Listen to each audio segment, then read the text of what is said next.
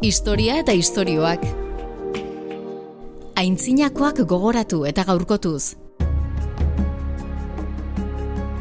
Medikuntza, gaixotasuna edo gaitza sendatzeko alegina gizakia bezain zaharra da. Hasieran, erlijioari eta magiari lotutako jarduera izan zen.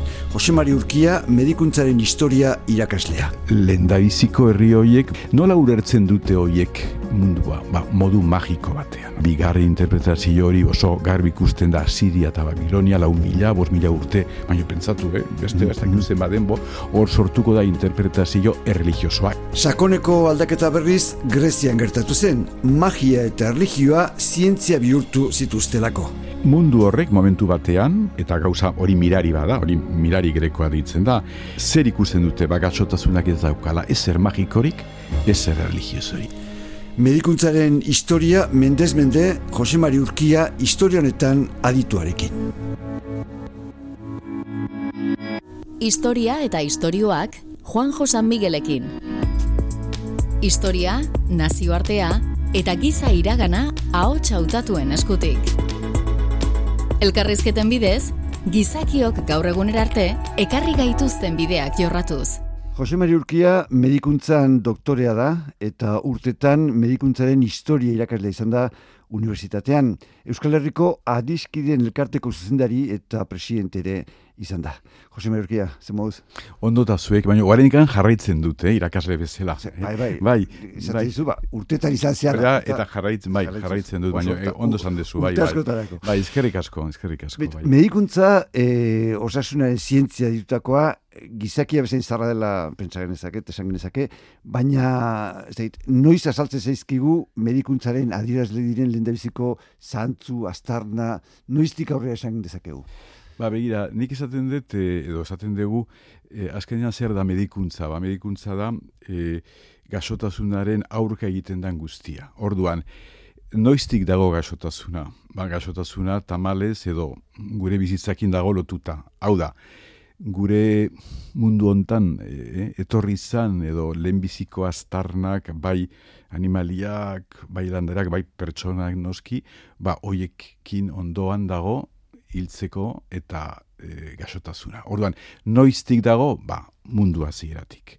Orduan, horrazten da medikuntza. Eta horrekin dago lotuta, ba, beti baten bat, edo zein egongo da lan hoiek egiteko, beti egongo da gaso baten ondoan, edo egin behar luke esku bat laguntzeko. Eta hori da medikuntzaren hasiera eta noiztik bazan desuna, hasiera hasieratik. Claro, e, importantea da, eta hori ikusi behar dugu, medikuntza azkenean dago lotuta gizartearekin. Ez, ez da gauza izolatu bat. Mm -hmm. Nik askotan ez da, matematikak hor daude, berdin dira, formula horiek hemen, edo Pakistan, edo fizikare, hor dago, baino medikuntza dago lotuta gizartearekin eta gizarteak ulertzen duen modua, nola ulertzen duen modua, horrela ulertuko du ere gasotasuna. Orduan, lendabiziko herriak, ez dakigu noiz, mhm.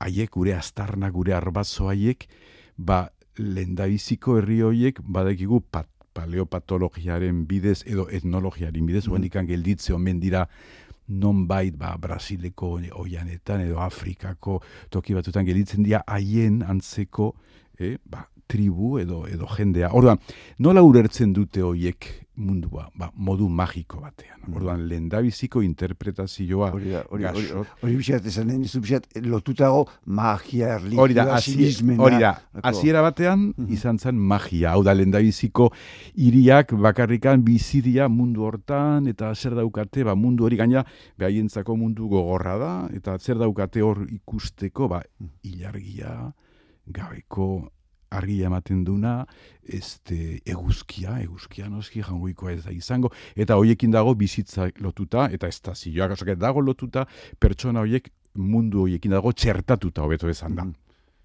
Orduan, lehen da biziko interpretazioa herri horietan izango da magikoa. Eta gero, geroago, hau da, urteetan gero, etorriko da beste interpretazioa, eta hori desde pauso bat izango da, interpretazio erreligiosoa. Hau da, azten dira pentsatzen herri hoiek mundua egina dagoela jainko batek edo jainko batzuk egina. Orduan, hoiek menperatzen dute mundua eta mm, personak dira hoien mirabe edo hoien sortzaile hor hoiek sort, sortutakoak oran hor sortuko da bigarren interpretazioa munduan izango da interpretazioa erlijiosoa edo teurgikoa. Hau, gertatzen zaigu jainkoa bialdu digulako. Hori da, hori da, hori da, lendabiziko interpretazioan mundu magiko horretan, ba, oso garbi ez dakigu gauzak, hor dago txamana, ez mm -hmm. baina lendabiziko interpretazioa zen, zenek, zein da hoien ardura txamana, edo medizin man, edo intxizua, edo, edo, edo sorgila, eh? eta horiek ere bereziak zian, eh? horiek eh, persona horiek rito eta muletoak irikin, eta horiek zaiatzen ziran gaso, e, gasoa e, berriro berrizkuta, berrizkuratzea e, osasuna. Horrek ez bezan aire gauza empirikoak ez zeudela, behik ikuste zuten mm. zauriak miaskatuta animaliakin edo eate zuten animaliak urak edo mm. jate zuten e, landare batzuk. Ordan hori ere hartze zuten beren kontuan. Ez du esan nahi horiek gu baino gutxiak, da, hori errespetatu hartu behar dira. Osake, bakoitza, garai bakoitzan dago, ba, garai bakoitzekoa. Eta zuk esan dezuna, bigarri interpretazio hori oso garbi ikusten da Siria eta Babilonia, lau mila, bos mila urte, baina pentsatu, eh? beste mm -hmm. zen baden bo, hor sortuko da interpretazio erreligiosoa, edo antzinako Israel, mm Jehova, eh? jangoikoa izango da mundua, eh? Lorte, eta hoiekin zer dago lotuta, ba, jangoikoak ematen dizu eh, lege batzuk betetzeko, hoien aurka egiten balin badezu, orduan hor dago e, gaixotasuna horredikan kultura hoietan bai Asiria, bai Mesopotamia desagertu ziran, eh?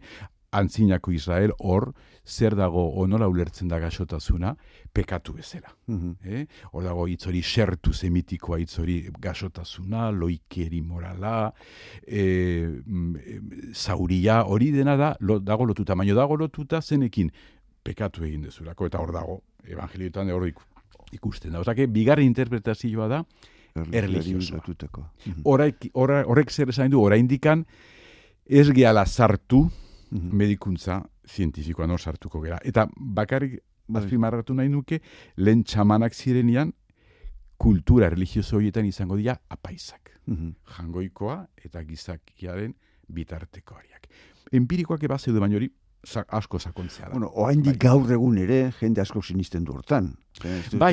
Erlijioa hilotutakoa, edo zerbait gertatu zaiola gaizki induelako, edo ez, ez bueno, Oso ondo esan dezu, nik beti izaten dut, interpretazio horiek etzela erabat desagertu, gure barruan daude nola bai. Mhm. Eta ez hain urrutira, zida sortu zanean, iesa sortu zanean, asko, edo batzuk esan zuten, merezita daukate pekatu egin dut. Mm -hmm. Bai, bai. Hori, hori, hori, eh, pekatu hori edo zerbait kalte egite hori, hori hortik dago. Mm Guk gaur egun razional mundu hortan. Bai. Aste hontan, Galizian, euri egin dezan errogatibak egin dituzte.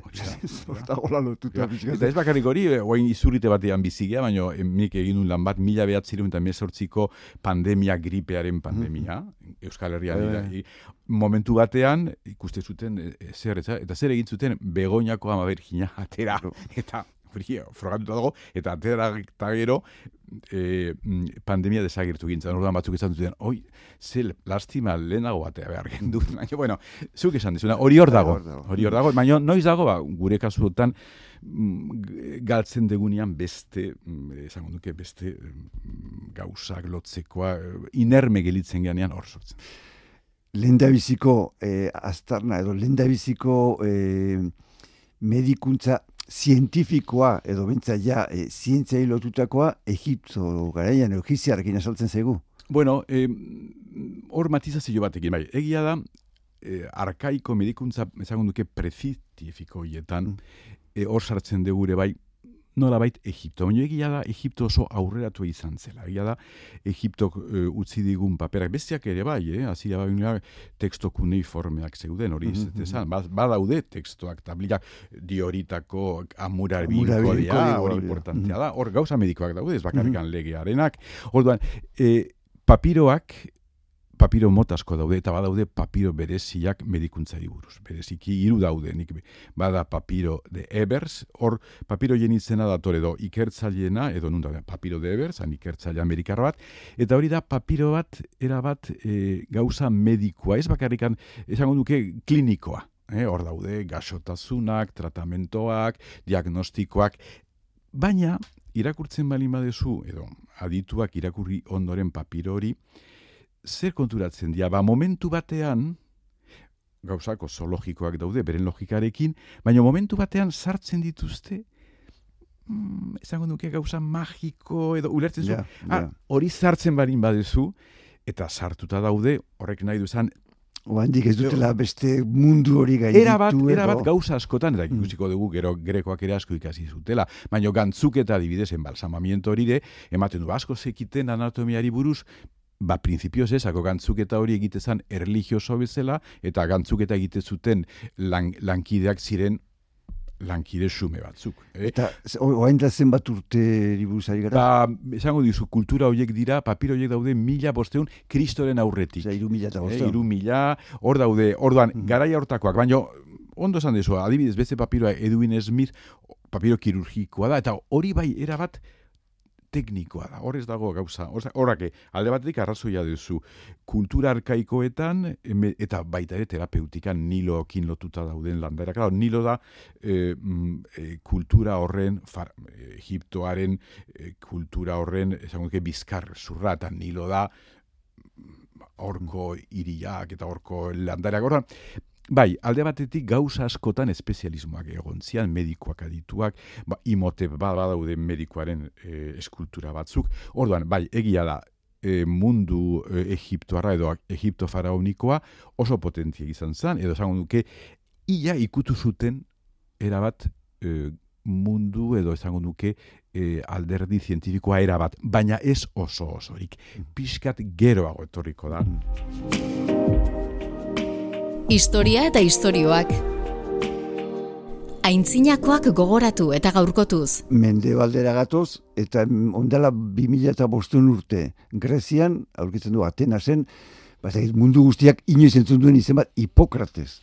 Eta esaten da, Hipokrates dela, ba, mende baldeko bentzat, mende baldeko medikuntzaren aita.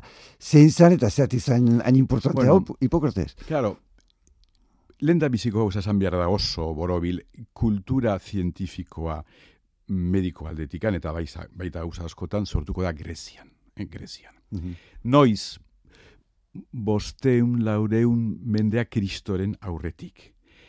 Zer gaitik esortzen da, hortaz itzengo genduke, baina mundu horrek momentu batean, eta gauza hori mirari bada, hori mirari grekoa ditzen da, zer ikusten dute bagatsotasunak ez daukala, ezer magikorik, ez zer religiosorik. Gazotazunak edo osasunak ditu bere legeak.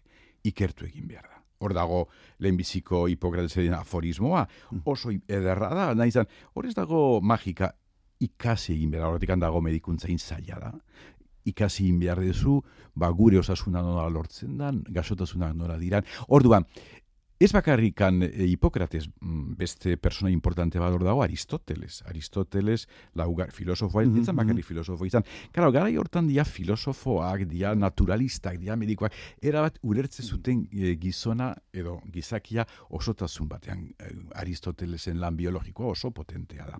Baina egia da, Hipokrates, bai Hipokrates izango genduke, Hipokrates izan zala persona egiazkoa, mitikoa, bizitu izan zen irugarren, laugarrean mendearen kriston aurretik, eta bera, eh, bera jarri dute horko mediku aintzindari bezala, baino etzan bera bakarra, hor bat zeuden eskola medikoak, e, Greziako hainbat kos, herri txiki hoietan, e, irla hoietan, hor zer baita zan du, erbesteratuko pertsona hoiek azizian hori pentsatzen, horan hor sortzen da lehen biziko korpus zientifikoa da korpus hipokratiku. Eta hor, hor dago, esango nuke gure lendabiziko korpus logiko zientifikoa. Eta horko gauzasko gero itzingo dugu, ora indikan ere gaurkotasuna daukate beste bak, ez noski, baina bada konstrukzio mm -hmm. era logikoa. Ora, Hipokrates erratikan, ba, bera aita bezala jartzen da medikuntzan, eta bera izenarekin hor daude bilduta,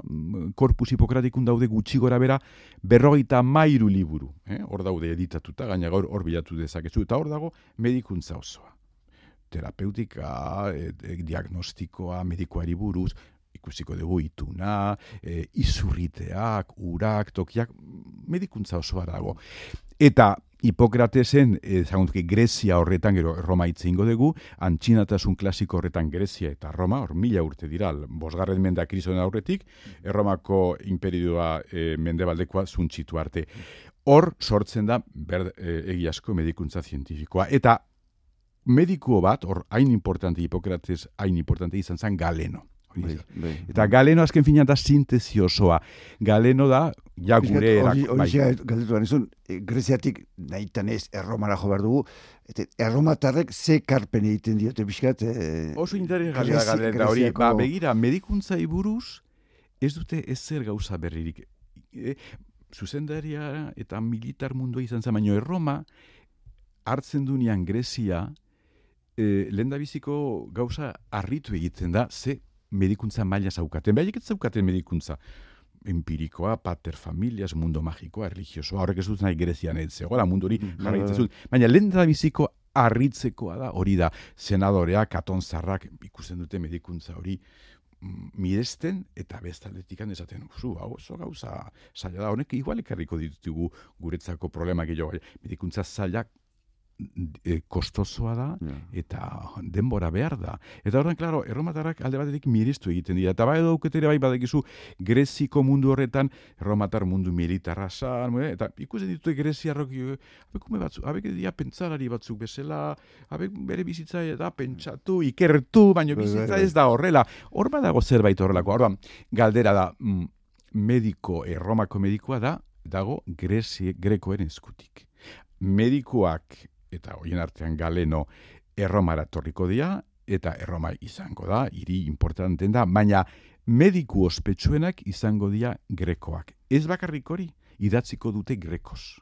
Mm Orduan, galdera da, mediku edo erromako medikuntza zer da, azken finean, grekoaren medikuntza, Badaude bio hiru persona, baina etzian medikoak, ere, Celso bat, Plinio bat, naturalistak, baina oinarrituta dago Grezian horren galdera ez zuten gauza berririk aportatu. Ze pentsa dezakegu, ze esan genezake, hain garatu eta hain ondo zehola e, Greziako medikuntza, hauek ez zutela beharrik ikusi, edo, edo txera usartu, edo... Hombre, ikusi zuten batetik ze pentsa moldua zen, eta ikusi zuten medikuntza benetan importantea zela. Claro, behaiek ezakaten kultura hori, lehen esan dut, hori mirestu egin zuten, Eta, klaro, betikoa, e, emperadore romatarrak, da galeno gasotu zeanian, txarlatan asko zaukan, eta asko getuten zerite, baino konturatu zianian, medikoaiek zendatu egite zitula, orduan, bere ganatu zen galeno, oso aberatze izan zen, baino emperadoreak eman zion, urre eta urre zendatu zuelako. Orduan, hor dago bere potentzia medikoiek tekniko, edo medikoanak zian, eta besteak, ba, denetik zegoen, baina behaien e, ikuspuntua izan zen, arritua eta baloratu egin zuten. Baina, e, baina e, ikusi behar dugu, medikuntza hori bakarrikan goi mailakoak zeukaten, beste guztiak, etzebait. Denboran aurrera egin da, erdiaroan aurkitzen dugu, orain oso normala zegun erakunde bat, baina garai hartan, ba, etze ona, eta gero, ba, bueno, erabaki garria bihurtu zaiguna medikuntzan ospitala. Bai, e, ospitalak, baino erdiaroan ospitalak e, ez dia gau lertzen dugun bezala. E, e, ospitalak hasiera daukate religioaekin lotuta kri, e, kristautasunarekin. Mm -hmm. Erroma mundua eta greko munduak ez zaukaten e, gasoaren beren konzeptua etzan. E, kupida hori sartuko du kristautasunak mundu kristauan mhm. eta arabeak mahomaren predikua. Hortik mm dator. Horan, Azken finean, ospita horiek erdiaroan monasterioetan egite ziren, eraikuntza horiek, baino ez dia gaur ulertzen dugun bezala ospitala. Ospitala oso oraingoa da. Ospitala horiek ziren bereziki toki batzuk jende txiro hartzeko, e, gari hartan txiroak zian, ba, alargunak, ume zurtzak, ume zurtzazko zegoen, e, jendea etzaukala bizitzeko modua. Eta hospital pauperun edo moniz, monasterioetan gehien bat ziran, zango duke, e, abegi etxe edo toki batzuk mhm. jendea zaintzeko mediko aldetikan gutxi zaukaten garai hartan edo bereziki goi erdiaroan medikuntzarana egon zan monjeen edo San Benito den eskuetan, monjeren eskuetan. Mm -hmm. bai. Eta pixkat gaur egungo, edo gaur egun ditugun ospital hauen eh, aintzindariak edo lehen da bizikoak, noiz gutxura sortu zen? Ba, begira, Bai, oieko oso beke. moderno, adiazako, ospitalen evoluzioa, amasei garren mendean egia da, eh, ja ziko dia Europan, beti elizakin lotuta, erakuntza, edera, adibidez, jute moan basea Parisera, mm, Notre Dame alboan, hor dago Hotel Dieu, eta denak izen hori daukate, Hotel Dieu jainkoaren etxea, horiek daukate ikuspuntu mm, eh, erdiarokoa. Hora, amasei garren mendeko ospitalak, amazazpi garren mendeko ospitalak, eh, esango duke, oraindikan, ez, da, ez daukati itxura oraingoa, oraingo ospital gaur ulertzen dugun bezala, oso berandiarra dira, horiek sortuko dira emeretzi garen mendean azken aldea, eh? eta hogei garren mendean, baina hori dago lotuta ere bai medikuntzaren aurrera penakin, lotuta dago. Orduan, Eraikuntzak bai, amasi garremean badaude ospitaletara, baina hor ere kritika asko itea, ospitala gasoenak, eta gero ez, di- ez ditut ja esango maniko milak hori beste mundu bada, gasotasun mentala hori da beste arlo bat. Baina, bueno, gaur zure galdera ospital horiek oso modernak, dira, hogei garren mendekoak, eta bereziki e, e, bigarren gerra e, guda bukatu hortik, hortik aurrera. E? Eta gau egungo ospitalak bai ikusten dituzu, gehien bat zer dira, ba, ikusten duzu, asko aldatu dira, hor zer dago, ba, laboratoriak, eskanerak egiteko, zientzia egiteko, eta gasoa, gero eta, eh? Ja. denbo gutxiago, eh? konzeptu hori aldatu egin da. Lehen ospitaletan sartze zan jendea, eta ego- ego- egote zian hilabeteak, eta eh, ez zegoen gauza hundirik. Orain, ikusi dezu ze konzeptu daukaten ospitalak, eh, hor gehien bat daude beste auxiliarrak edo beste eraikuntza horiek ikerkuntza egiteko, diagnostikoa egiteko hori. da. Historia eta istorioak. Hitza, hotsa eta soinua. Lehen esan dugu Greziarrek ba, izugarrizko ekarpena egin Bai. ziotela. E, eta erdiaran aurkitzen ditugu arabeak eta islamiarrak hoiek ere garrantzi handia dute. Ba, izatik, hoiek, claro, mundu erdiaroan dado alde batikan Bizantzio, Bizantzio izan zen eh, mundu, esango duke, Grezian gelditu zen eh, imperioa eh, ekialdekoa, gero bestea, Europa kristaua izkarrizko atzekara bukatu erromanizazioa, hau da barbaroak sartu zidanean dano zuntzitu zuten, hori San Isidorok esaten du zehatzera kada egin degun, eta arabeak, momentu hortan, zigarren mendea, zazpigarren mendea, horiek ere prediko erligioso batean, hasten dira behaien movimentuak, hizkuntza bat lotzen dute, baina arabeak zer egiten dute, eta hori importantea, hartzen dute kultura grekoa, osake, orain dikan zeuden tokioa, eta egiten dute itzulpenak. Kalifak ere egiten dute oso politika irikia. Ez da zuzenean arabera, pasatzen dute grekotik, batzuk latinera, siriakora, hebreoa, eta hortik arabera. Ikusten duzu daudera kaskada, itzulpen oso interesgarria da. Hor, sortzen dira gune batzuk, itzulpenak egiten dut, eta zer itzultzen dituzte teksto klasikoak. Bai galenorenak, bai hipokratesenak, hori hor dago ardatza. Eta teksto hoiek itzultzen dituzte, eta hoiek etorriko dira Europara. Etorriko dira, eta bereziki peninsula Kordoban, eh, Toledon, Sevillan, hor, hor izango da momentu histori amar, amaika, amabia, amairugaren mendean, eta beziki Toledo izango da itzultzaileen eskola oso potentea, eta hortik etorriko dira, hor itzuliko da Aristotelesen lanak, Ptolomeoren tekstuak, eta medikuntza hor. Eta horrek gero arrazoia handia daukazako, Europak azken finan jasotzen duen berriro, beren kultura mediko ger- izango da, greko arabizatua. Eta horrek ere ikusiko dezu, nahi balin badezu, ze arazoak sortuko ditu namazi garen mendean. Baina, orduan kultura mediko grekoa Europara etorriko da, bereziki arabeen eskutik. Osea, Horre, bueno, erdiaroan aurrera inda aurkitzen dugu beste personaje oso oso ezaguna, eh, Leonardo da Vinci, eh, le, lehentzuk esan duzu, eh, garai batean, ba, Grezia garaian, eh, ba, filosofoa, medikua, artista, eh, dana, Leonardo da Vinci agian, eh, horregatik ere oso ezaguna, geniotzat eh, hartu izan dugu, zeati da medikuntza munduan Bueno, eh, ezaguna. Ba, oso importante da, baina ja hor sartzezea berpizkundean edo erre, amazigarren hori da, hori da. Errazimentua ja da aldatu egiten ditugu gauzak. Hor, daude alde batetikan, Amerikako ik, mm, mundua, etorriko dira gauzazko Amerikatik. Mhm, mhm.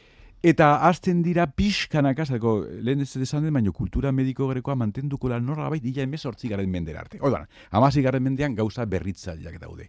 Hoien artean, badago, ale, italian, Baina, claro, lotu behar dezu italiko movimento 400, eta horroko artistak, ez bakarrikan Leonardo, Miguel Ángel, Rafael, mm. hor sortzen da movimentu berri bat italian, dagoela lotuta margorarekin, e, artistak nahi dute gehien bat margotu gure gorputza, orain arte oso traketzak zidan argazkiak, nahi dute ondo margotu gure muskulu guztia gure. Eta Leonardo izan zan hor, personale benetan, esango nuke, ba, harrigarria.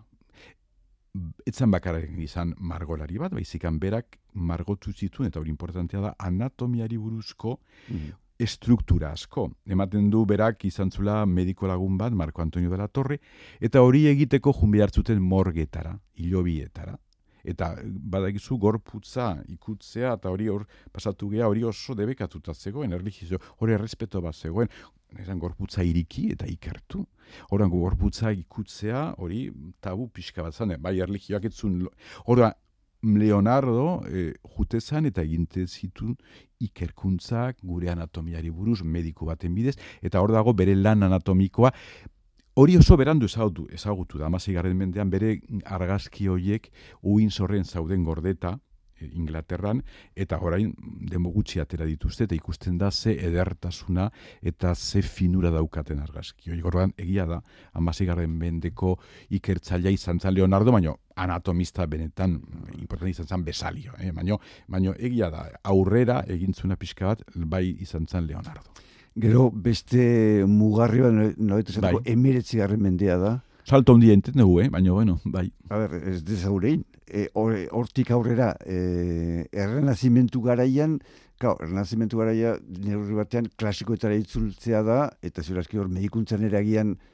bueno, movimentu bat egongoa. Bai, hor dago movimentu humanista, mediku humanista. Hori es importante. Claro, amasei garren mendean, potentzi, ez desan, medikuntza dago lotuta askotan potentzi ekonomikoarekin. Mm -hmm. estatu batuak dira, zadikan, diru bat ikerkuntza daukatela. Amasei garren mendean, zean bereziki Espainia, Frantzia, baina bereziki emperadore Carlos Bosgarrena, eta hor hoiek zaukaten mm, dirua eta hor zegoen egiteko hango ikerkuntza.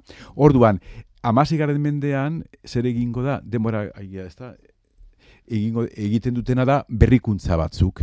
Mediku humanista horiek alde batetik ikusten dute torri dan kultura, araben eskutik dela, eta hori iztuzena, jorlan, jo, nahi dute jo, iturrietara, hori da movimentu humanista. Beste aldetikan, anatomia berritu egiten da bezali horekin. Ez bakarrik hori, baizikan, hortik aurrera, e, sortuko dira doktrina mediku berriak, sortuko da zirkulazioaren bai zerbet, bai William Harvey, osea, amasi garren mendetiken eta Europan, hor mendez mende, gauz asko jungo dira aldatzen, eh, zango nuke, mm, anatomiari buruz, fisiologiari buruz, eh, embriologiari buruz, eh, mm, estekiologiari buruz, orda, arlo guztietan jungo da pixkanaka gauzak aldatzen. Eta guztiere meretzigarren mendean gauzatzen da nurri batean? Bai, bueno, esango duke menetzi garren mendean sortzen dela berrikuntza edo paradigma berriak. Mm. Eta oso labur esango dizkizut. Alde batetik sortuko dira doktrina mediku berriak, gaur egun ditugunak, hau da, gasotasunak mikrobioak sortzen dute, pasterkok, bestaldetikan e, gasotasuna gure lesioa organikoa da, anatomoklinikoa, hortikan sortzen da estetoskopioa, eta gure aparatuak ikusteko mm-hmm. gure barrukutok guztiak, eta fisiopatologia, hau da gure gasotasunak da, gure fisiologia zerbait ondatzen darako. Labur bilduz hori da. Eta horrekin etorriko da berrikuntza gaur egun teknifikazioak, e, konzeptu berriak. Eta kirurgiare hor sortuko da. Kirurgiaren indarra emeretzigaren mendean, hor ulartez zitu niru arazo e, infekzioak, beste arazo esan mina, anestesiaren hasiera eta beste arazoa transfusioak. Hiru arazo horiek konpontzen du nian nebazten dira, konpontzen kirurgia gora egin. Horan, zuk esan dezu, emeretzi garren mendean gauza garatuko dira. Eta hortik aurrera abiadura haundian. Esan, ez du, garren mendea benetako lerketa da, ez? Ba, begira, e, urte hauetan, edo azkeneko egun, eh, edo berroita mar urte egin dian altakuntzak dira beste guztiak aina. Osa, que, gaur egungo medikuntza di joan abiadurarekin, mm -hmm. ba, ikaragarri da. Baina, ikusten dezu gara indikan nire, izurritiak, eta beza, ora, bai. baina bai, azkeneko urte hauetan eginda, baina bereziki hori dena eginda teknifikazioari buruz, hau da, teknikak, ingenieroak horiek lagundu dute asko medikuntzaren teknifikazioa. Medikuntzaz eh, hitz egiten dugunean normalean e, medikuntza fisikoaz edo gaixotasun fisikoaz eh, hitz egiten dugu e, gaixotasun psikikoak edo buru gaixotasunan nun geratzen da. Edo, bueno, edo ze jarraipen egin zaio historia. Ba, galdera ona da, azk, gu bai, gaur, gaur badakigu lotuta gaudela, baino garai ba, baino ia orain arte gaixotasun mental alde batetikan zaila zan, etzakiten nola tratatu, gaso mentalak askotan daukak portaerak, hor dago histori gutxian, gendemenatoak, sorginak. Orduan, historian zehar gasotasun mentalak egondia baztertuta.